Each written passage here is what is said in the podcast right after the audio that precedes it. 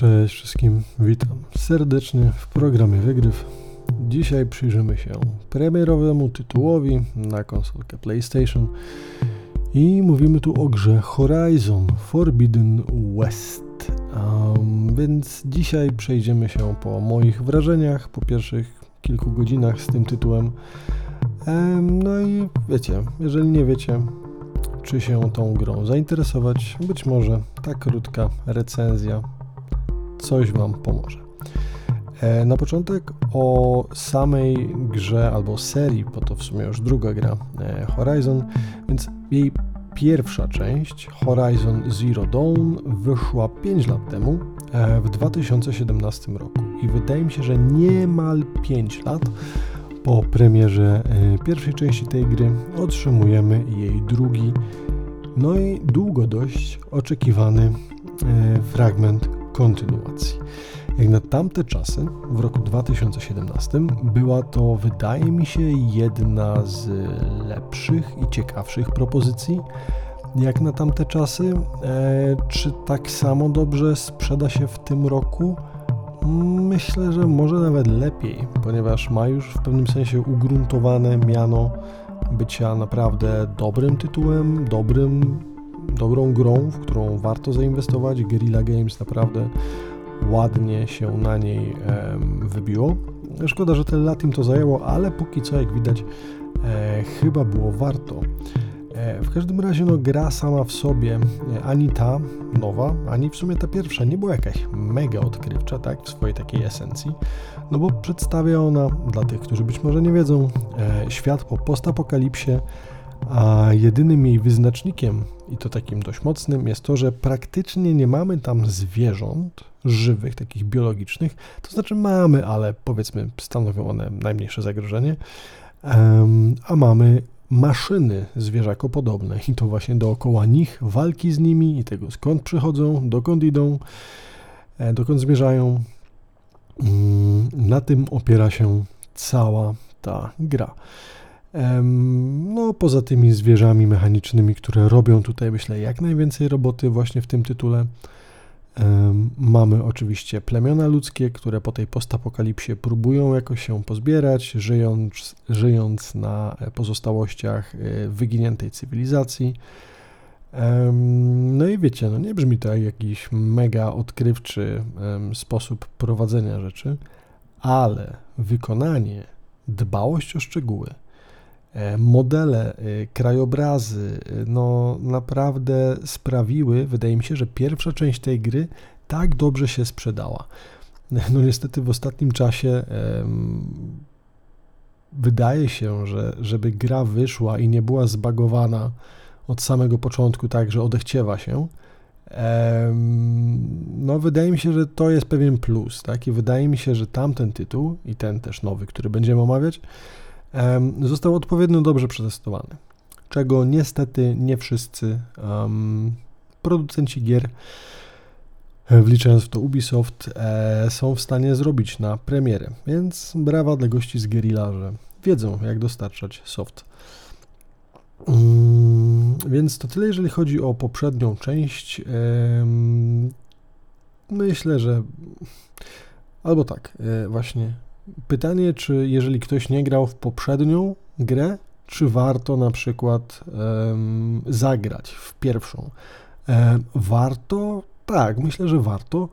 Czy jest to konieczne? Nie, nie wydaje mi się, bo no Horizon niestety ma taki tryb prowadzenia fabuły, że wszystko ładnie za rączkę nam opowiada. Czy chcemy tego wiedzieć, czy nie? On nam to wciśnie w usta, ponieważ traktuje, że Widocznie osoby grające muszą mieć wszystko podane na tacy. Jeżeli ktoś lubi takie prowadzenie fabuły, to powinien to polubić dla tych, którzy tak jak ja, bo wolą nieco bardziej wymagające elementy.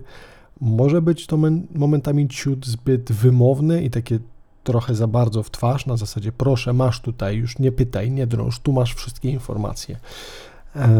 Czasami to dobija, ale ogólnie sprawia też, że jakby cała fabuła i narracja jest spójna, nawet jeżeli czasami jakby troszkę za dużo nam tego gra pokazuje, co, co jest przed nami. Niemniej jednak, no mamy ten. Aha, y, próbując zawiązać myśl, y, nie, nie musicie grać w Zero Downa, żeby w pełni czerpać z Forbidden West. Wydaje mi się, że możecie śmiało zacząć od tego tytułu, ponieważ on dość mocno jakby też wyjaśnia to, co wiedzieć z pierwszej części byście musieli. Nie jest to oczywiście na tym samym poziomie szczegółowości, który pierwsza gra adresuje, ale aby czerpać z Horizon Forbidden West, jestem niemalże przekonany, że nie musicie grać w poprzednią część. Zachęcam do tego, e, tym bardziej, że chyba wydaje się, że giera w tym momencie jest na całkiem fajnych promocjach. No jest przede wszystkim naprawdę piękna. Znaczy, wiecie, była 5 lat temu, nie grałem w nią dawno, więc nie jestem pewien, jak się zestarzała, ale myślę, że nie jakoś strasznie. Natomiast e, jeżeli nie macie ochoty albo czasu, albo pieniędzy, a chcecie zainwestować w tą nową, e, jest ona, myślę, w pewnym sensie zamkniętym produktem, więc nie jest to jakaś kontynuacja, e, na której stracicie, bo nie znacie poprzedniej części. Nie, tego nie musicie się obawiać. Dobra, ale do meritum. Mamy rok 2022 i premierę drugiej części, tak jak już wspomniałem, po pięciu latach. E, nasza bohaterka Aloy, Aloy czy jakoś inaczej ją czytają? Aloy chyba. Nasza bohaterka jest wyrzutkiem e, z jednego plemienia, która oczywiście na początku była pogardzana i była gdzieś tam na marginesie społecznym, ale została zbawcą świata i czempionem ludzkości. To tak cały czas w ramach jakby próby zawiązania, gdzie jesteśmy obecnie w fabule. Więc są tutaj spoilery do pierwszej części, więc jak coś to zdążycie jeszcze wyłączyć i za 3, 2, 1 lecimy. Tak więc e, zostaliśmy zbawcą ludzkości, pokonaliśmy jedną ze zbuntowanych sztucznych inteligencji, która siała tutaj e, zniszczenie na Ziemi. No i dzięki temu zyskaliśmy e, uznanie ludzi i w ogóle, wiecie, jest teraz super.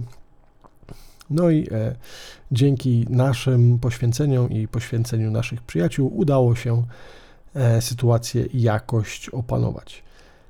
E, no ale nasza bohaterka niespecjalnie mm, lubi działać w grupie. Wydaje się, że woli być dalej niezależna i jedyna i sama i w ogóle, co trochę ma sens, no bo jakby była wyrzutkiem i przez długi, długą część czasu po prostu nie lubiła być w świetle reflektorów i gdzieś tam na podium. Więc to wyjaśnia może dlaczego tak cały czas ucieka sprzed. Hmm, no na przykład nie świętowała razem ze wszystkimi wygranej z pierwszej części gry, tylko zwyczajnie sobie uciekła. I tam historię tego, jak ją próbują namierzać ludzie, mm, jej przyjaciele i tam, wiecie, całe królestwo jest opisane w komiksie, który jest łącznikiem pomiędzy pierwszą a drugą grą, co też jest ciekawe. Aczkolwiek e, i o tym też miałem zrobić osobny program, ale niestety nie przebiłem się przez ten komiks, więc może na szybko z dwóch powodów.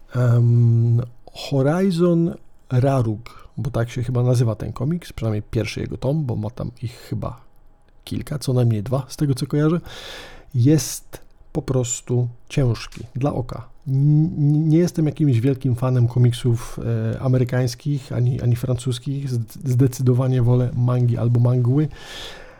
I e, może to to sprawia, że ciężko mi się na to patrzy. Niemniej jednak z takich komiksów klasycznych typu no nie wiem, biorąc pod uwagę jakieś inne komiksy z gier, na przykład nie wiem, Life is Strange albo E, co tam jeszcze czytałem ostatnio? Mm, z Cyberpunka komiksy, czy na przykład już jakby nie z gier, ale też na przykład Mroczną Wieżę Stephena Kinga. No wydaje mi się, że komiksy te takie nie japońskie, nie azjatyckie można zrobić ładnie. To, co mam do zarzucenia Rarogowi z Horizona, pomimo tego, że opowiada on niby historię łączącą, gdzieś tam z gier, to nawet to nie było w stanie mnie przełamać do tego, aby skończyć ten tytuł. A to dlatego, że ta gra, znaczy ta gra, ten komiks wygląda jakby był rysowany w pęcie. Naprawdę, ja rozumiem, że nie wiem, można w jakiś sposób iść na skróty, e, robić jakieś, wiecie, e, panele tutaj jakieś takie bardziej ogólne i tak dalej, ale ten komiks, nie wiem, może to jest jakiś styl, jeżeli tak, to dajcie proszę znać. Moim zdaniem jest po prostu brzydki. I no, próbowałem sobie przypomnieć jakieś inne komiksy właśnie typu takiego, wiecie, no, które nie są mangą e, i można komiks zrobić ładnie, więc ostatecznie Jak coś to strzelajcie, może się nie znam, ale zwyczajnie po prostu mi się nie podoba. Jest naprawdę brzydki. I wiecie co, najśmieszniejsze jest to, że w momencie, w którym odpalacie sobie ten komiks, to tam na okładce jest chyba właśnie Aloy z... O, Aloy właśnie, już wiem jak do niej mówią. Bo Aloy, czy tam Aloy? Aloy, Aloy? A-L-O-Y, tak się pisze jej imię. Um, I to znaczy chyba jakiś, jak to było? Nie związek, tylko minerał. Ludzie. No tak, jak człowiek chce się popisać i na bieżąco bez notatek coś powiedzieć, to się nie da. Nieważne. E, pisze się Aloy, ale chyba tam wszyscy czytają Aloy. Więc sorry, nie zawsze będę pamiętał, więc Aloy albo Aloy. Na okładce komiksu Horizon Raruk jest pokazana w wersji z gry. Wiecie, cyfra, bardzo ładne, szczegółowe zdjęcie, ona, jakiś tam plenerek w tle i, i wszystkie te latające maszyny. Na pierwszych kilku stronach chyba jest też wspomnienie e, w kilku takich słowach, na czym ta gra i fabuła się zamknęła, a później wchodzimy w fabułę komiksu, czyli realnie co się stało pomiędzy końcówką Zero Dawn a początkiem Forbidden West. I o ile te pierwszych kilka stron komiksu naprawdę można ładnie przebyć, ponieważ są ilustrowane grafikami, e, czy takimi normalnymi, czy koncept artowymi z właściwej gry, później mamy ten komiks, który już był rysowany przez autorkę, czy autora, nie wiem, ale po prostu spadek jakości grafiki. Może by tak nie kłuł w oczy, gdyby na początku na przykład już od samego, od samej okładki nie wrzucano nam grafik wysokiej jakości prosto z gry. A później, kiedy dostajemy ten, aż zaraz pójdę sprawdzić, bo nie wierzę, że to jest tak obrzydliwe, ale tak to pamiętam. Może mi tutaj e, pamięć płata figle, ale po prostu jest strasznie, strasznie brzydki. E, I naprawdę wygląda jakby to jakieś dziecko rysowało w pęcie. Po prostu kompletnie nie mój styl i nawet mimo tego, że bardzo chciałem być przygotowany do gry w drugą część Horizona, nie byłem w stanie przebić się przez te jakże paskudne obrazki. Jeżeli Wam to nie przeszkadza, brrr, nie wiem, może znajdziecie tam coś dla siebie. Ja kiedyś też się pewnie przez to przebiję, no bo wiecie, czuję, no jakby leży na półce i patrzy na mnie raz na jakiś czas, więc się motywuję, ale naprawdę kilka stron i to odkładam. Nie potrafię się przebić. E, jak do tej momentu, do tego momentu doszliśmy i do tej dość przydługiej mojej um, dygresji dolecieliśmy? Nie wiem, ale wydaje mi się, że chciałem przypomnieć, co się działo w poprzednich częściach. Um, tak więc spróbujmy jeszcze raz. E, więc po tym, jak nasza postać e, uratowała świat i w ogóle Mm, a później uciekła i jej poszukiwania e, próbuje opisać wspomniany wcześniej komiks, no to postać ta ma dosyć dużo na swojej głowie, no bo poza tym, że uratowała świat, dowiaduje się, że nie uratowała go do końca, tak? Więc próbuje go bardzo, e, że tak powiem, no, dopełnić swojego przeznaczenia, a poza tym, że jest zbawczynią świata oczywiście, to jest też oczywiście klonem, a jak żeby inaczej, pani profesor z poprzedniej ery, która właśnie chciała uratować świat przed zagładą, no i oczywiście stworzyła ten cały program, który miał tutaj nadzorować to, jak działa Ziemia, ją terraformować po zagładzie, która miała miejsce tam, nie wiem, tysiąc chyba lat temu. No i nasza bohaterka, wiecie, jest taka troszkę rozerwana, no bo z jednej strony ona jest tylko zwykłym wyrzutkiem, no teraz już bohaterką, no ale była wyrzutkiem i do tego dowiedziała się, że jest klonem, że nigdy nie miała rodziców, znaczy może poza rostem, który ją wychował jako ojciec, ale jako tako, no postać została stworzona, tak? Czy tam jakoś jej geny zostały w jakiś sztuczny sposób powołały ją do życia, wychowały, odchowały, no a później przyjęło ją jej plemię i ją wychowało. Także no, jest dziewczyna dość skonfliktowana i ma, myślę, e, pewnego rodzaju być może jakiś ciężar tutaj psychiczny, który ją nieco obciąża, no ale niemniej jednak mm, musi uratować ten świat i zagładę, która nadciąga i w związku z tym będzie musiała ona wyjść ze strefy swojego komfortu i miejsca, które już raz uratowała i podążyć na wspomniany wcześniej zakazany zachód i tak mniej więcej zaczyna nam się gierka. Więc pokrótce, jak ona wygląda? No wygląda przepięknie. I wydaje mi się, że jednym z głównych atutów tej gry są plenery. Ponieważ bezapelacyjnie ta gra zapewnia jedne z najlepszych widoków, jakie można dostać, wydaje mi się, w, we współczesnych grach. Są naprawdę świetnie zrobione, elegancko dopracowane jako plansze, wizualnie naprawdę majstersztyk. Po prostu można chodzić, podziwiać je o każdej porze dnia i nocy, zwyczajnie sobie chodzić i zwiedzać. Naprawdę są one świetnie zrobione i można, no może nie jest to e, taki realizm na zasadzie Death Stranding, gdzie mamy jakieś po prostu wielkie pastwiska, góry, po których się chodzi, ale po prostu jest to ładne, przyjemne, poukładane. Z jakiegoś powodu przychodzi mi e, do głowy e, The Barons z World of Warcraft. Nie wiem dlaczego, ale taki sam, jakby podobny klimat mi się w głowie odtwarza. E, jak e, teraz właśnie gram w Horizon. Jeżeli ktoś zaczynał grać w WoWa Taurenem, no to myślę, że wie o czym mówię. Więc takie przyjemne, sielankowe klimaty, chociaż no maszynki, które wszędzie polują na nasze życie, nie zawsze sprawiają, że jest to tak do końca bezpieczne. E, więc plenerki, plenerki, które są piękne, dla których wydaje mi się warto, nawet jeżeli nie zagrać, to przynajmniej obejrzeć sobie fragment gameplayu, ponieważ jest tam naprawdę na co patrzeć. E, no i oczywiście poza e, samymi miejscami, które odwiedzić można, są też maszyny, maszynowe formy życia, jak można by powiedzieć, e, które też są niezmiernie ciekawe. No i mamy tutaj oczywiście w tej grze zarówno maszynki, które znamy z poprzednich części gry, jak i jakieś nowe maszynki. Póki co moją ulubioną jest coś, co wygląda jak fretka, albo norka, nornica, tchórzofretka, coś takiego, e, która kica sobie na dwóch nóżkach, e, później staje, patrzy dookoła jak jakiś świstak, a później gdzieś tam zaczyna do nas strzelać i tak dalej. No, naprawdę e, jest dużo różnych fajnych maszynek, od takich małych, właśnie jakichś śmiesznych, aż po jakieś olbrzymie. Mm. Sprzedawano to chyba w trailerze jakimś takim mamutopodobnym tworem, który jest naprawdę potężny i kolosalny i zastanawiam się, czy jest coś większego od tego, e, bo ten mamut naprawdę z bliska w grze robi wrażenie. No ale maszynek jest dużo więcej. Jakieś krokodyle, jakieś wężeły śmieszne, jakieś pterodaktyle, no mnóstwo. Jeżeli ktoś jest fanem mechów albo jakichś mechanicznych stworzeń, to myślę, że design tych postaci będzie w stanie e, troszkę Was no, pocieszyć, Wasze oko. Co ciekawe, o ile plenery bardzo mi leżą i bardzo mi się podobają, o tyle nie potrafię kompletnie skumać osad ludzkich. W sensie, wiecie, no jakby jako osady plemienne, czy takie miejsca, gdzie tam ludzie się właśnie kumulują, no są one pewnie jakoś sensownie ułożone. Natomiast z jakiegoś powodu kompletnie mi nie leżą, nie podobają mi się i w ogóle jakoś tam nie potrafię, nie lubię tam przebywać zdecydowanie dzicz dużo przyjemniej się konsumuje, przynajmniej w moim odczuciu, niż te wszystkie miejsca, gdzie faktycznie rezydują, rezydują ludzie.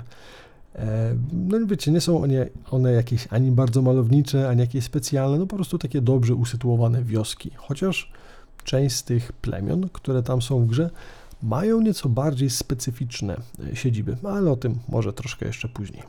Mm. E, w ogóle y, chyba jedyna taka, jedyne siedlisko, które w miarę mi e, przyjemnie się ogląda, to jest baza głównej bohaterki, która później razem ze swoją ekipą urządza sobie jeden ze schronów, czy tam z jakichś centrów e, do prowadzenia tej terraformacji, przerabia sobie na bazę i bardzo śmiesznie ogląda się na taką, wiecie, high-techową bazę, powiedzmy jak, nie wiem, jakiś tam command center z Ewangeliona, E, wewnątrz której palą się świeczki na przykład, pomimo tego, że jest oświetlenie jakieś tam LEDowe, e, wiecie, jakieś namioty, jakieś e, skrzynki z rzeczami, no tak jakby urządzić namiot wewnątrz jakiejś tam, nie wiem, bazy gdzieś tam wojskowej. No wygląda dość śmieszne, trzeba to sobie zobaczyć, żeby mm, móc to ocenić. I Aha, właśnie, obiecałem powiedzieć jeszcze o innych e, osadach, więc osady jak osady, ale może same plemiona. E, możemy trafić na przykład na plemię, które jest w odróżnieniu od innych. E, nie jest jakoś mocno um, agresywnie nastawione do innych, tylko jest bardziej pokojowe i na przykład uprawia za pomocą maszyn ziemię. Takie, wiecie, troszkę hipisowskie czy coś takiego ale jakby do tego nie ogranicza się e, unikatowość tego plemienia. Na przykład porozumiewają się oni też za pomocą śpiewu. Gdzieś tam ich chyba rada starszych czy coś takiego, zawsze jak chcą coś powiedzieć, to śpiewają, nucą. Ludzie jak chcą, żeby tamci coś przemyśleli, to też im śpiewają i w tym śpiewie przenoszą jakieś myśli i tak dalej. E, uczucia. Bardzo ciekawy, fajny koncept, który wydaje mi się został może nie w 100% jakoś idealnie zrealizowany, ale bardzo ciekawe i unikatowe dość w no, historii w ogóle gier, gdzieś tam podejście do tego tematu. Nie to, żebym jakoś dużo grał, bo tytuły ogarniam tylko te, które gdzieś mi podchodzą, więc może już coś takiego było, ale bardzo, myślę, fajny e, i ciekawie wykonany e, pomysł. Mm, cóż jeszcze z takich bardziej jakichś e, unikatowych miejsc? Jest na przykład jedno plemię, które e, zagnieździło się w ruinach Las Vegas e, i czci hologramy. Tak, jeszcze po jakimś tam tysiącu lat część hologramów działa i oczywiście nasi cudowni Indianie, czy tam tubylcy plemienni, no po prostu czczą te wyświetlające się trójwymiarowe obrazy, no bo dla nich, wiecie, to są jakieś pozostałości popradawnych, jakieś boskie przesłania, wiecie, jakieś krzewy gorejące, takie tam, nie żebym robił jakieś aluzje, ale wiecie o co chodzi. Eee, I do tej pory w sumie nie wiem, czy twórcy gry mieli z tego bekę, eee, w sensie tworząc te hologramy, bo część tych postaci, które tam się wyświetla na hologramach, wygląda z jednej strony jak faktyczne postacie, które można by gdzieś tam w jakimś historycznym kontekście tej całej historii opowiedzieć, ale z drugiej wygląda to trochę jakby to była, był jakiś fragment gry, że wiecie, um, bo niby później gra mówi chyba, że to jest centrum historyczne czy coś takiego, ale no jak dla mnie przynajmniej te wszystkie hologramy, które na początku się wyświetlają, wyglądały jak fragment z jakiejś gry, że wiecie, mamy tam kilku pilotów, którzy poszli walczyć z wrogiem i coś tam. Nie wiem, jakby no naprawdę wstępniak do gry, więc um, byłoby bardzo śmiesznie na przykład, gdyby ci tubylcy czcili jakąś właśnie postać, na przykład Solida Snake'a, nie? No ale obawiam się, że niestety nie poszli aż tak daleko, e, tylko faktycznie e, gdzieś tam no, są to postacie historyczne wewnątrz świata tej gry, E, aczkolwiek sam pomysł czczenia hologramów jak najbardziej spoko. Nie znamy, coś zobaczyliśmy, musi być boskie. No, więc to a propos jakichś ciekawych pomysłów na, na plemionka. No i cóż, mamy dzicz, mamy te fragmenty high-techowe i wydaje mi się, że podczas w ogóle pierwszego grania, w jakby Horizon Zero Dawn, czyli w tą część sprzed pięciu lat. Kiedy tam grałem, wydaje mi się, że bardzo mocno uderzyło mnie zejście do tak zwanej kuźni. Kuźnia, już Wam śpieszę z wyjaśnieniem, to jest miejsce, które gdzieś tam jest, do którego wejście oczywiście jest dobrze, mega dobrze ukryte, e, a które w swoich trzewiach po prostu trzyma fabrykę do produkcji tych wszystkich maszynopodobnych istot, które stąpają po ziemi. I teraz tak, przez długą część pierwszej gry jakby nie mamy pojęcia skąd to się w ogóle bierze. I przez długi, długi czas spacerujemy sobie tylko po jakimś takim, wiecie, no typowym krajobrazie naturalnym, z jakimiś może zniszczonymi, zrujnowanymi budynkami, których w ogóle gdzieś tam nie widać, przez ilość mchów, paproci i innych drzew, które narosły na tym wszystkim, ale po jakimś czasie trafiamy właśnie do jednego z takich kotłów, gdzie to wpadamy, wiecie, w po prostu piękną, dobrze zachowaną jakąś maszynerię, która, mm, która gdzieś tam jest wypełniona, napchana jak, mm, kablami, światełkami, no jakbyśmy weszli po prostu w trzewia komputera. E, I pamiętam dobrze, że za pierwszym razem grając w Horizon Zero Dawn, no był to dla mnie szok, który do tej pory w sumie pamiętam. I to musi być faktycznie mocne wrażenie, bo po pięciu latach mało co pamiętam z innych gier, ale tamten właśnie szok w momencie, w którym odkryliśmy, że ten świat gdzieś wewnątrz, pod ziemią e, trzyma potężne e, właśnie jakieś takie kuźnie, w których wylęgają się wszystkie te maszyny, e, było potężnym szokiem. No i tutaj oczywiście też mamy te elementy high-techowe, czyli te takie bazy, czy te właśnie miejsca, gdzie wylęgają się maszynki, Są one dobrze zrobione, tam zazwyczaj mamy fragmenty jakichś takich logicznych zagadek, układanek, czegoś takiego, no i oczywiście maszyny do rozwałki. E, to też jest fajnie zrobione, nie jest to aż takie fajne jak w poprzedniej części, ale zakładam, że to tylko dlatego, że no jakby w tym momencie już wiemy czego się spodziewać. W momencie, w którym gra odsłoniła przede mną karty po raz pierwszy, no ten efekt wow był naprawdę niezły. Teraz biorę to jako pewnik, więc może dlatego e, nie mam już takiego szoku. Ale jeżeli wy gracie w to po raz pierwszy, być może podobne wrażenia jak mi wam się przytrafią. Liczę, że tak będzie, bo naprawdę był to dosyć ciekawy, mm, dosyć ciekawy fragment tej gry. O muzyce za wiele się nie wypowiem, bo o ile jest przyjemna i taka, wiecie, no faktycznie fajnie opisuje to wszystko, co się tam dzieje, tak maluje nam cały krajobraz, muzyka bardzo fajnie się wpasowuje. O tyle jakiejś takiej jednej melodii, która by się przewijała, nie jestem w stanie sobie znaleźć. W sensie, no, było kilka melodii, które wydawało mi się, że mi zapadły w pamięć, jest tam jakiś właśnie taki jakby główny temat, ale nie jest to na tyle wałkowane, żeby móc sobie tego słuchać. No, zdecydowanie soundtrack jest bardzo ładny, bardzo trafiony, ale nie jest to jedna z tych pozycji, które bym sobie później gdzieś puszczał w tle w ciągu dnia, na przykład, ponieważ no, żadna z tych konkretnych melodii nie przebija się na tyle, abym po tych pierwszych 10 czy 12 godzinach gry miał ją już w głowie. Tak, żeby teraz zanucić Wam cokolwiek stamtąd, nie potrafię, nie ma nic.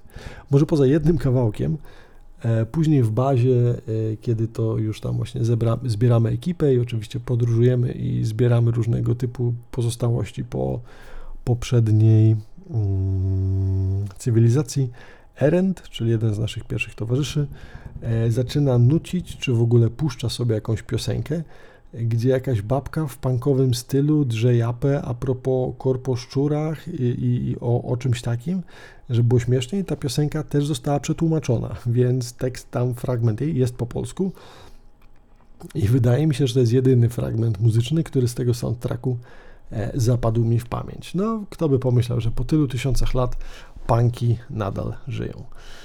E, to tyle o muzyce.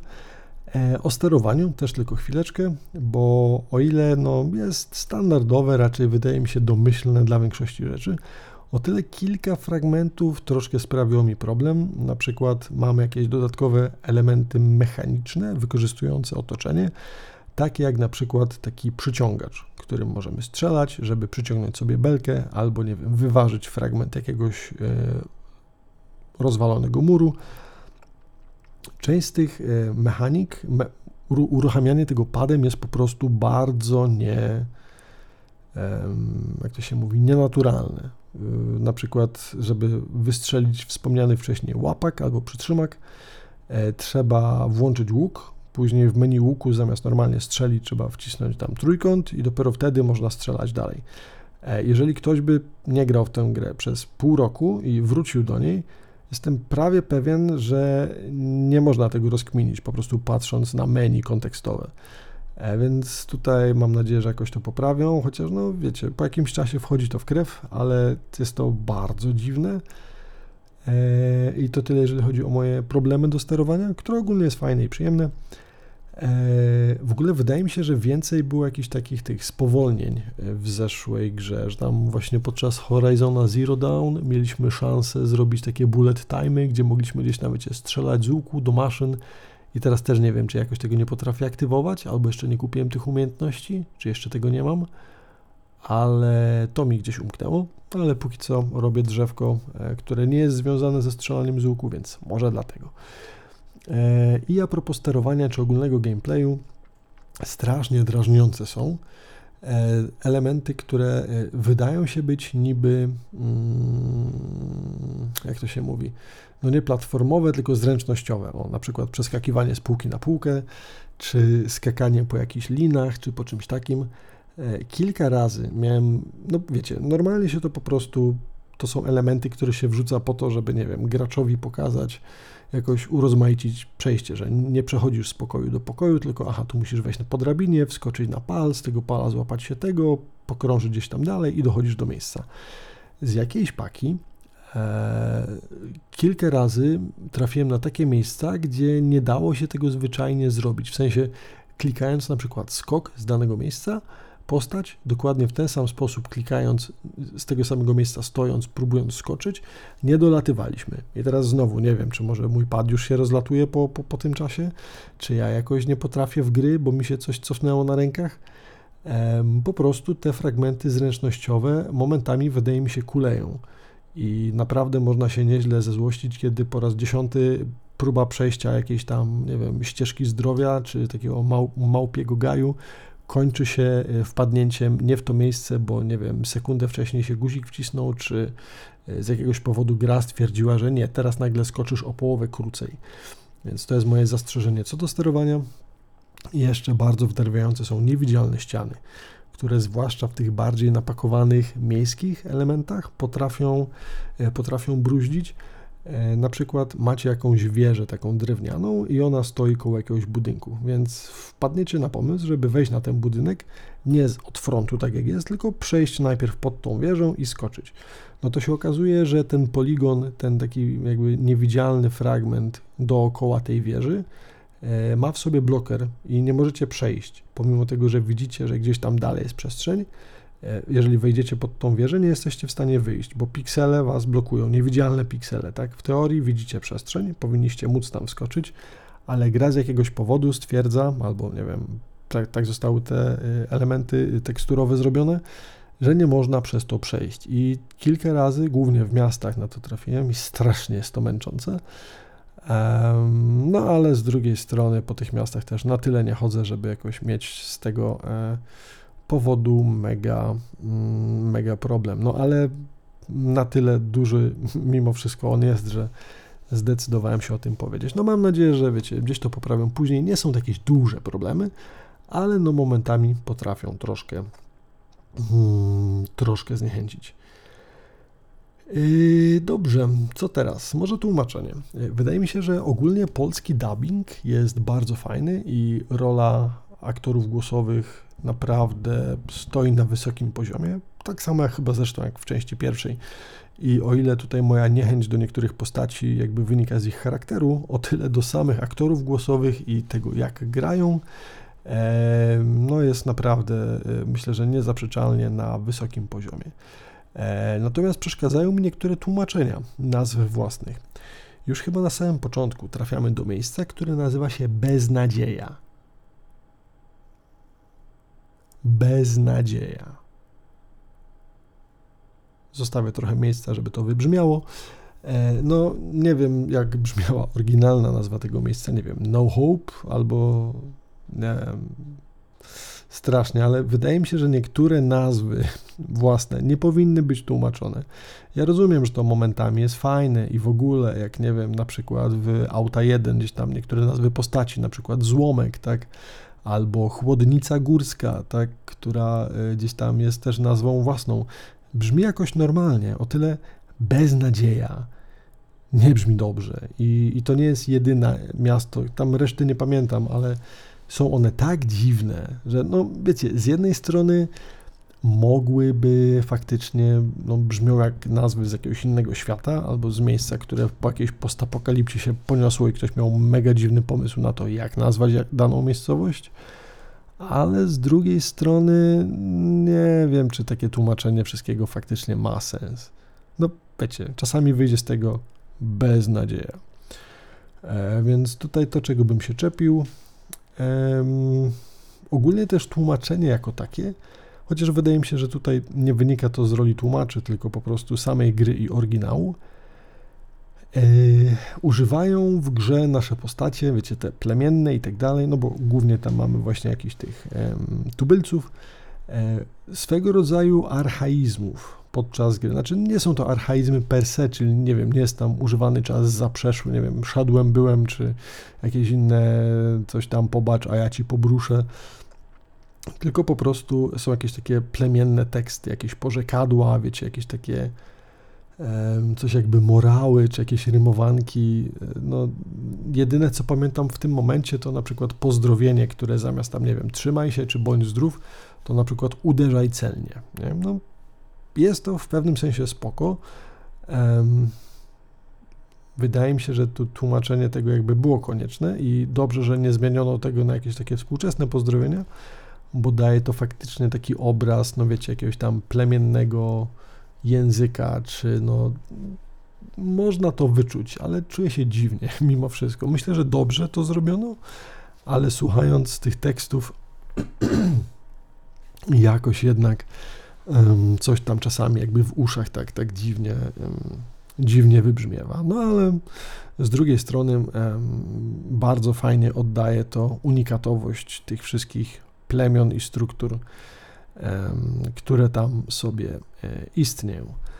E, przy tłumaczeniu, jak już jesteśmy, to jeszcze chciałbym zwrócić uwagę, że jeżeli na przykład e, gracie z napisami i czytacie sobie napisy, a w tle leci i tak głos na przykład w tym samym języku, no to standardowo, że tak powiem, aktorzy głosowi oraz to, co jest napisane, nie spina się. Są to jakby dwie osobne rzeczy. Znaczy, sens jest ogólnie ten sam, ale praktycznie chyba co trzecie zdanie jest zmienione, więc mm, nie jest jakiś duży błąd, ale zastanawiam się, na jakim etapie pojawiają się tutaj problemy. Czy aktorzy głosowi sami nadinterpretowują część rzeczy i mówią to inaczej niż mają w scenopisie? Czy być może po ostatnich korektach jeszcze teksty, które lądują na końcu do czytania, są poprawiane w jakiś sposób? No ale to też nie jest jakiś duży problem.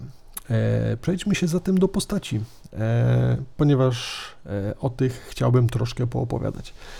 No i e, tutaj oczywiście też bardzo moja e, subiektywna ocena tych wszystkich postaci.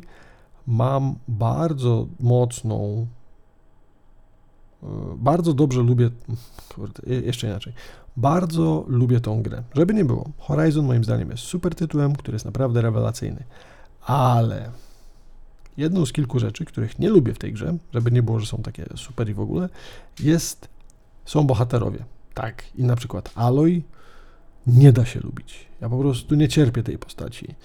Ja wiem, że ona jest praworządna i dobra i ratuje świat, ale jest tak napisana, tak zagrana, że po prostu typiary nie da się lubić.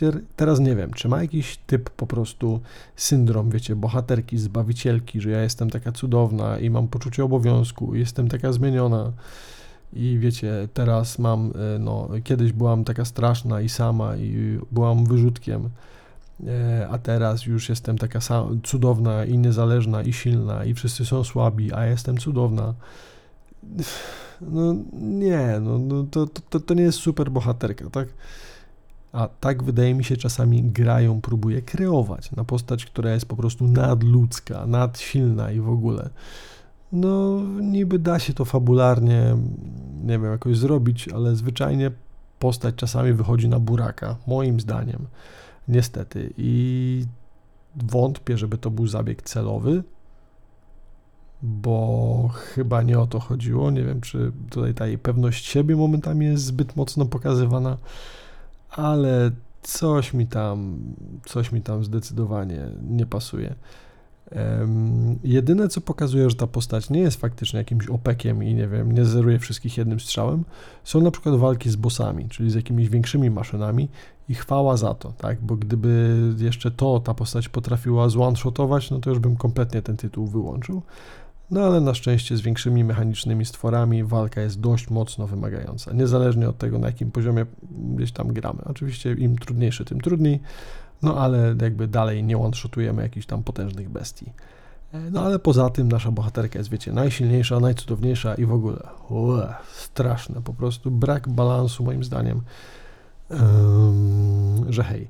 E, dodatkowo, wydaje mi się, że bohaterowie, którzy ją wspierają, przynajmniej z poprzedniej gry, są dość mało zróżnicowani, bo albo, wiecie, postacie w tej grze wszyscy są nagle albo mega usłużni wobec Aloy, Aloy, przepraszam, um, i wiecie, tam od razu na nią chuchają, dmuchają, tak, tak, o nasza zbawczyni, o nasza coś tam, albo mają jakiś problem z głową i brak piątej klepki, jak na przykład kapłan słońca już na samym początku, który, no to jest postać, która wybitnie była zbudowana po to, aby jej nie lubić, bo koleś tam, nie wiem, ma za dużo w czubie i, nie wiem, recytuje jakieś dziwne rzeczy i jest też taki trochę hamski, trochę buńczuczny i w ogóle ja jestem taki super, a wy jesteście tacy dobani, traktuję was z góry, wy jesteście hołotą, a jestem tam kapłanem słońca czy coś. I wydaje mi się, że brakuje w tej grze takich postaci, które traktują tą postać jakoś tak, wiecie, pomiędzy, że jej nie wywyższają i nie wynoszą jej gdzieś tam na, na jakieś trony, e, a albo, wiecie, a, albo robią coś takiego i ta postać jest, wiecie, tam równa niemalże boskiej dla nich, albo traktują ją jak śmiecia i po prostu jadą po niej i w ogóle. Wydaje mi się, że te postacie są źle napisane po prostu, albo no nie wiem, nie czuję ich naprawdę. I dotyczy to głównie postaci z poprzedniej gry, które też tu występują, których nie da się jakoś mocno polubić. Naprawdę nie mam ulubionych bohaterów w tym tytule, no, chyba że maszyny możemy policzyć, no maszyny są ok. Ale, ale postacie wydaje mi się są naprawdę słabym elementem tej gry, najsłabszym, zaraz po fabule, która no, do tego też dojdziemy. Niemniej jednak, żeby nie było, że tak narzekam, to wydaje mi się, że postacie, które nowe dodano w tym tytule, są nieco lepiej napisane i nieco bardziej wyważone. Może wynika to z tego, że jeszcze nie wiedzą, jaka super i cudowna jest Aloy i dlatego jeszcze jej nie czczą tak jak wszyscy inni dookoła. E, a jeżeli to się e, wszystko zmieni i będą tacy jak wszyscy inni dookoła, no to zrobię uninstall, ale Miejmy nadzieję, że do tej pory przejdę ten tytuł. Cóż jeszcze? W ogóle to zachowanie Aloy, czyli wiecie, jestem niezależna i tylko ja zbawiam świat, a wy mi nie przeszkadzajcie i w ogóle nie podchodźcie, może wynikać z tego, że faktycznie Aloy chce e, zatroszczyć się o swoich przyjaciół, bo nie chce, żeby coś im się stało podczas walki z maszynami, a trzeba przyznać, że Erend i inni no nie do końca jednak są na jej poziomie, bo już gdzieś tam chyba na samym początku dostają dość mocne baty od maszyn, które nie są jakieś mega trudne, więc no może zwyczajnie e, patrzę na nich z góry, bo faktycznie tamci są niedouczeni i to by nawet pasowało, no bo wiecie, nie każdy może być taki super jak Aloy i tak dalej. No więc na przykład, kiedy ona chce wyruszyć w podróż, no to tamtych nie chce, bo, bo, bo coś tam albo ich nie informuje, albo im każe uciekać, albo coś, bo może po prostu nie chce, żeby jej przeszkadzali. E, I wydaje mi się, że to może być ten powód, chociaż nie jestem pewien, bo na przykład, kiedy pojawiają się później nowe postacie z nowych plemion, no to tamtych już jakby e, spokojnie przyjmuje do swojego teamu. Nie być może dlatego, że się wykazali albo może im nie zależy. Jeżeli coś im się stanie, to wiecie, whatever, nie jesteście moimi przyjaciółmi, nie? więc nara. E, jakkolwiek na to nie patrzeć, wydaje mi się, że Aloy jednak wypada tutaj troszkę dziwnie. Mm, I mówię, albo te postacie, może nie, no te nowe postacie są w miarę lepiej napisane, nie są aż takie właśnie zero-jedynkowe jak w e, jak te postacie ze starej części, kiedy wszyscy albo ją czczą, albo, albo są po prostu gburami. E, no i taką postacią faktycznie troszkę pomiędzy był Kotalo, czyli postać z klanu Nieba chyba? Nie, nie z klanu Nieba. Tak, jeden z szeryfów, a, no nieważne. Był tam jeden ziomek, który faktycznie y, był taki w miarę hmm, spójny, bym powiedział, jeżeli chodzi o jego charakter, e, dopóki później oczywiście tam nie zobaczył, jaka Aloy nie jest cudowna i wtedy wymiękł i stał się potulny i tak dalej. No i w tym momencie jednak ta postać też mi się gdzieś tam skreśliła z listy y, typów, którzy byliby w miarę dobrze prowadzeni, no ale póki co wydaje mi się, że Kotalo jest jednym z tych takich lepiej napisanych tam ziomeczków. Yy, no ale ogólnie jakoś nie czuję chemii do starych postaci, kompletnie. Może dlatego, że są przerysowane. Nie mam pojęcia. Co do samych wizualnych aspektów postaci, mm, wydaje mi się, i tutaj też proszę skomentujcie, bo zastanawiam się, czy to tylko w moich oczach coś się tam mieni, czy faktycznie jest to wiem, powtarzalne u Was. Te wszystkie postacie z poprzedniej gry, czyli właśnie Erend, Aloy, nie wiem, tam Nowy Król Słońca, jakkolwiek się on tam nazywa, wyglądają dziwnie. W sensie są to postacie 3D, są to postacie, wiecie, pełnowymiarowe i ładne i w ogóle, ale one nie wyglądają jak ludzie. W sensie coś w ich rysach twarzy jest nie tak. I powiem Wam, że tego się nie da zobaczyć do momentu, w którym postacie stare i nowe nie są zestawione. Na przykład w momencie, w którym Aloy, e, na przykład Erend i Zo, albo właśnie ten Kotalo nie są zestawione razem, to tego nie widać, ale w momencie, w którym są faktycznie w tej samej scence, to mam wrażenie, że wszystkie postacie te nowe dodane, tak jak na przykład Kotalo albo Zo, są dodane, e, że ich twarze to jest po prostu jakiś reprint albo skan 3D aktorów, którzy te postacie grali.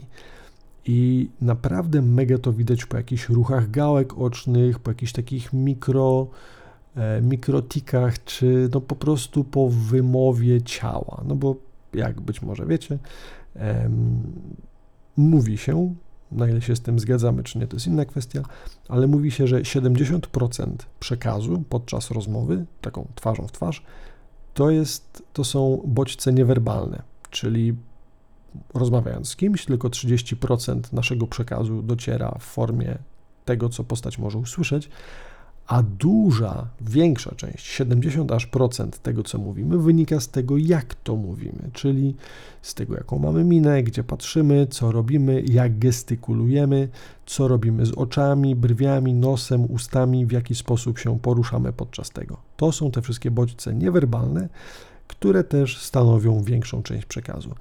I podczas właśnie tego, jak obserwowałem, jak są zagrane e, właśnie postacie te nowe, czyli właśnie e, Kotalo i Zo, nie mogłem oprzeć się wrażeniu, że ich ruchy i to wszystko było zgrywane z aktorów za pomocą motion capture. A w wypadku, kiedy była to albo Aloy, albo właśnie te inne postacie z poprzedniej gry, o ile ta mimika i cała reszta też pewnie była symulowana komputerowo, to wydaje mi się, że właśnie ruchy oczu, jakieś tam grymasy i tak dalej były cyfrowo stymulowane i że nie było do tego jakiegoś aktora, którego można by faktycznie sczytać jeden do jednego. I raz to są tylko te ruchy twarzy i tak dalej, gałek ocznych, y, gdzieś tam kącików ust i tak dalej, a część to jest to, że po prostu ich twarze, postaci z poprzedniej części gry, wygląda, wyglądają nierealnie. Patrząc na nich, moim zdaniem, przynajmniej ja, nie jestem sobie w stanie wyobrazić człowieka, żywego człowieka, który by miał taki układ twarzy. I nie wiem, czy to wynika z tego, że tutaj już wkraczamy w jakąś taką e, dolinę niepewności, wiecie, czyli coś, co sprawia, że jak patrzymy na androida takiego ludzko podobnego, który jest zbyt ludzko podobny, ale nie jest człowiekiem, to czujemy się niepewnie. Czy to jest coś takiego? Czy może faktycznie te nowe postacie, bo to jakby zauważyłem dopiero w momencie, w którym te, te nowe postacie rozmawiały właśnie z Aloy. Wtedy moim zdaniem naprawdę zwróćcie uwagę, czy, czy, czy też macie podobne odczucia, że te postacie nowe faktycznie jakby no, widać, że to jest realny człowiek, który był skanowany i jego ruchy i wygląd moim zdaniem wspierają taką teorię. Natomiast te postacie starsze, o ile mogły być wzorowane na jakichś faktycznych postaciach, czy nie wiem, tam ich, e, ich ruchy twarzy, rąk były zgrywane, o tyle nie jest to bezpośredni skan i coś tam w translacji tego musiało umrzeć, ponieważ postacie te stare, łącznie z główną bohaterką, wyglądają moim zdaniem mało realnie. Jakoś, nie wiem, nie mam pojęcia. no ale cóż, Ogólnie tak w dużym skrócie Aloy nie wygląda aż tak źle, jak wszyscy narzekali, że wiecie, jakieś włosy na twarzy, czy coś tam, czy że nie wiem, nie zrobili z niej nowej Lary Croft. No, no nie, nie zrobili, ale ta postać nigdy nie była Larą Croft. Nie? Chociaż z drugiej strony ruda Lara Croft to by było coś. No ale ogólnie wyglądają nieźle, natomiast wydaje mi się, że te postacie drugoplanowe są dużo ładniej zrobione. Być może właśnie przez te skany, no ale nie wiem. Nie znam się. Może kiedyś doczytam, to, to dam Wam znać. Mm, dobrze, mamy więc za sobą opowiedziane, jak widzę postacie tej gry. Cóż jeszcze? Może sposób narracji gry, więc jak gra opowiada swoją historię. Ogólnie gra ta posiada mnóstwo informacji, posiada masę opcji dialogowych, no i nie wszystko oczywiście jest y, konieczne. Część jest tylko opcjonalna, więc możecie sobie to przebić, kiedy na przykład idziecie przez główny wątek i trafiacie do, nie wiem, tam bohatera, który ma coś wam opowiedzieć, E, nie musicie słuchać całej jego historii życia, wystarczy, że przejdziecie się przez kilka dialogów głównych, aby dojść do sedna, a później możecie lecieć dalej z główną fabułą. Natomiast jeżeli chcecie, dużo z tych głównych, no tam drugoplanowych ról, które się pojawiają tutaj, mają też spory background i historię, i cały lore, i całą gdzieś tam otoczkę dookoła niej, co bardzo fajnie dodaje do właśnie całego świata gry. Więc em, sposób narracji na szczęście został zachowany z poprzedniej części. Mamy masę fajnych historii, fajnych opowieści, których naprawdę ciekawie się słucha. Wydaje mi się, że nie ma tutaj czegoś takiego, co jest, wiecie, gadaniem o pogodzie, jakimiś takimi zapchaj dziurami. Faktycznie każdy dialog, każda rozmowa coś ze sobą wnosi do świata, czy do postaci, czy do wydarzeń historycznych z tego świata. E, I naprawdę bardzo ładnie to buduje w naszej głowie obraz tego, gdzie się właśnie e, znajdujemy. Więc tylko od Was zależy, jak bardzo będziecie wnikać w główny wątek oraz wątki e, gdzieś tam ogólne budujące świat. Możecie po prostu przeklikać, wiecie, dalej, dalej, dalej, ale naprawdę te dodatkowe rozmowy sporo wyjaśniają i zdecydowanie polecam sobie je posłuchać. E, dodatkowo, wiecie, dla wytrwałych można też szukać po świecie dodatkowych zapisków, które są gdzieś tam zaprezentowane jako jakieś fragmenty raportów, czy jakieś pamiętniki, czy logi, dzienniki, różne rzeczy, które można przeczytać, albo jakiś zapis holograficznych wydarzeń, czy tylko dźwiękowe pamiętniki od kogoś. Jest tego dużo i buduje to świat, ale tu już bardziej, wiecie, na zasadzie takiego mm, no, odkrywania. No, nie stracicie nic tego nie czytając, ale e, tak jak w poprzedniej części jest dużo znajdziek, które można w różnych miejscach sobie e, gdzieś tam obejrzeć i dzięki nim też wiedzieć nieco lepiej, e, gdzie się znajdujemy. No oczywiście mamy też masę questów pobocznych, które też nadają kontekst tym społecznościom, które mijamy gdzieś tam w naszej podróży, dzięki czemu bardzo fajnie czuć, że świat żyje swoim życiem, że nie jest to tylko jakaś pusta mapa, po której jedziemy pociągiem i w ogóle nie wysiadamy na prawo i lewo. W ogóle to nie był przytyk do Square Enix, ani trochę. tak więc, e, no ogólnie fabularnie i narracyjnie gierka dalej trzyma naprawdę fajny i wysoki poziom. Główna fabuła, właśnie w ramach tego opowiadania historii, jest naprawdę dynamiczna, e, nie przynudza e, podczas głównego wątku. Wiecie, jeżeli ktoś się znudził albo potrzebuje sobie odpocząć, podkoksać poziom, no to jak najbardziej można, wiecie, porobić jakieś boczne questy albo zwyczajnie poeksplorować czy popolować na maszyny. Jest tutaj masa rzeczy do roboty, o których jeszcze nie będę opowiadał, bo w sumie na razie lecę z głównym wątkiem. No ale wiecie, można wspinać się na żyrafy, które też są trochę zagadkami na zasadzie jak wejść na tą żyrafę, którędy, e, jak upolować maszyny, czy jak znaleźć jakieś drony, mapy, jakieś polowania na maszyny urządzać. No mnóstwo fajnych rzeczy jest w tej grze, e, ale sama główna fabuła e, jest wartka, nie ma przestojów, rozwija się naprawdę ciekawie. I szkoda tylko, że Alo jest taka drewniana, nie wiem, momentami jest jakaś, wiecie, mega uczynna i, i w ogóle cudowna i do rany przyłóż, a innym razem zieje jadem i w ogóle kpi i prycha na jakieś osoby, które powinny tak naprawdę móc ją roznieść jednym strzałem. E, bardzo ta postać moim zdaniem jest niespójna albo, nie wiem, może jest tylko, nie wiem, jakieś przechodzi burze w swojej głowie, które sprawiają, że zachowuje się w tak bardzo niejednoznaczny sposób. No ale co ja wiem o bohaterkach gier. E, w każdym razie te momenty, kiedy kozaczy za bardzo, no momentami naprawdę chce się wyłączyć grę albo przynajmniej nie słuchać tego, co gada. Nie wiem, straszna jest po prostu Aloy. Na szczęście gram w to tylko dla maszyn i widoczków, nie muszę jej wcale słuchać. Ogólnie historia e, w głównym wątku, w pobocznych questach pewnie też, wiecie, no jest troszkę jak film. Mamy dużo cutscenek, dużo tekstu, dużo rzeczy do słuchania, e, co oczywiście nie wygląda tylko tak, że stoimy na wprost i widzimy twarz jednej postaci, twarz drugiej postaci. No bardzo ładne kadry tutaj mamy, wiecie, jak w filmie, praca kamery, która pokazuje nam okolice i kontekst i wszystko dookoła, no pokazuje to, że naprawdę masę roboty włożono w to, aby fajnie tą grę pokazać i bardzo dobrze. Niestety y, fabularnie gra moim zdaniem znowu troszkę leży. Nie wiem czy aż tak mocno jak pierwsza część. bo tam jakby wciskanie nam na siłę, y, wiecie, takich wątków czarno-białych. My jesteśmy dobrzy, wy jesteście źli i my walczymy z wami. Wiecie, jakby nie było w ogóle miejsca na rozkminy na zasadzie, hmm, czy my na pewno jesteśmy dobrzy, albo czy oni na pewno są źli. Nie, po prostu antagoniści są zrobieni jak kompletni debile, którzy po prostu muszą zostać wykończeni, a nasza postać jest jedynym cudownym zbawcą świata, która, nie wiem, po prostu jest cudowna i będzie ratować wszystkich, bo jest bohaterem takim, wiecie, z lat 90. Nie? No to jest straszne i tutaj ta gra wydaje mi się, nadal po prostu ma taki styl prowadzenia gry. Niestety, że od razu wszystko jest na tacy, wszystko jest jasne od samego początku i na dodatek jeszcze we wstępnej misji, która jest takim trochę samouczkiem, e, mamy od razu wyjaśnione wszystko w tej grze. Kto jest zły, a kto jest dobry i kto co kiedy zrobił i w ogóle. I po prostu, nie wiem, strasznie nie, nie lubię takich zagrań, wiecie. E, Aloy, nasza bohaterka, trafia gdzieś tam po tysiącu lat na jakąś bazę i tam oczywiście od razu odtajnia sobie super tajne dane, dokumenty o tym, jak ktoś robi przekręt i to po prostu jednym kliknięciem dłoni jest w stanie zdobyć tego typu informacje.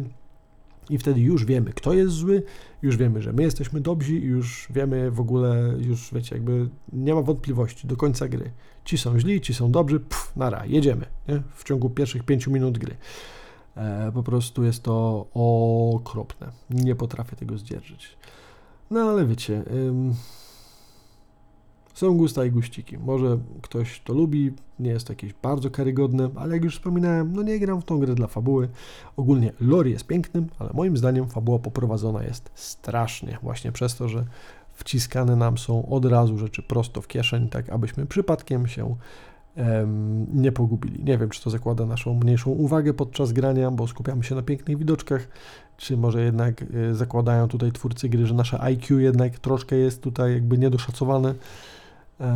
No ale wiecie, jakby przywykłem do tego w pierwszej części, więc no tutaj też w miarę solidnie e, tak to to jest prezentowane.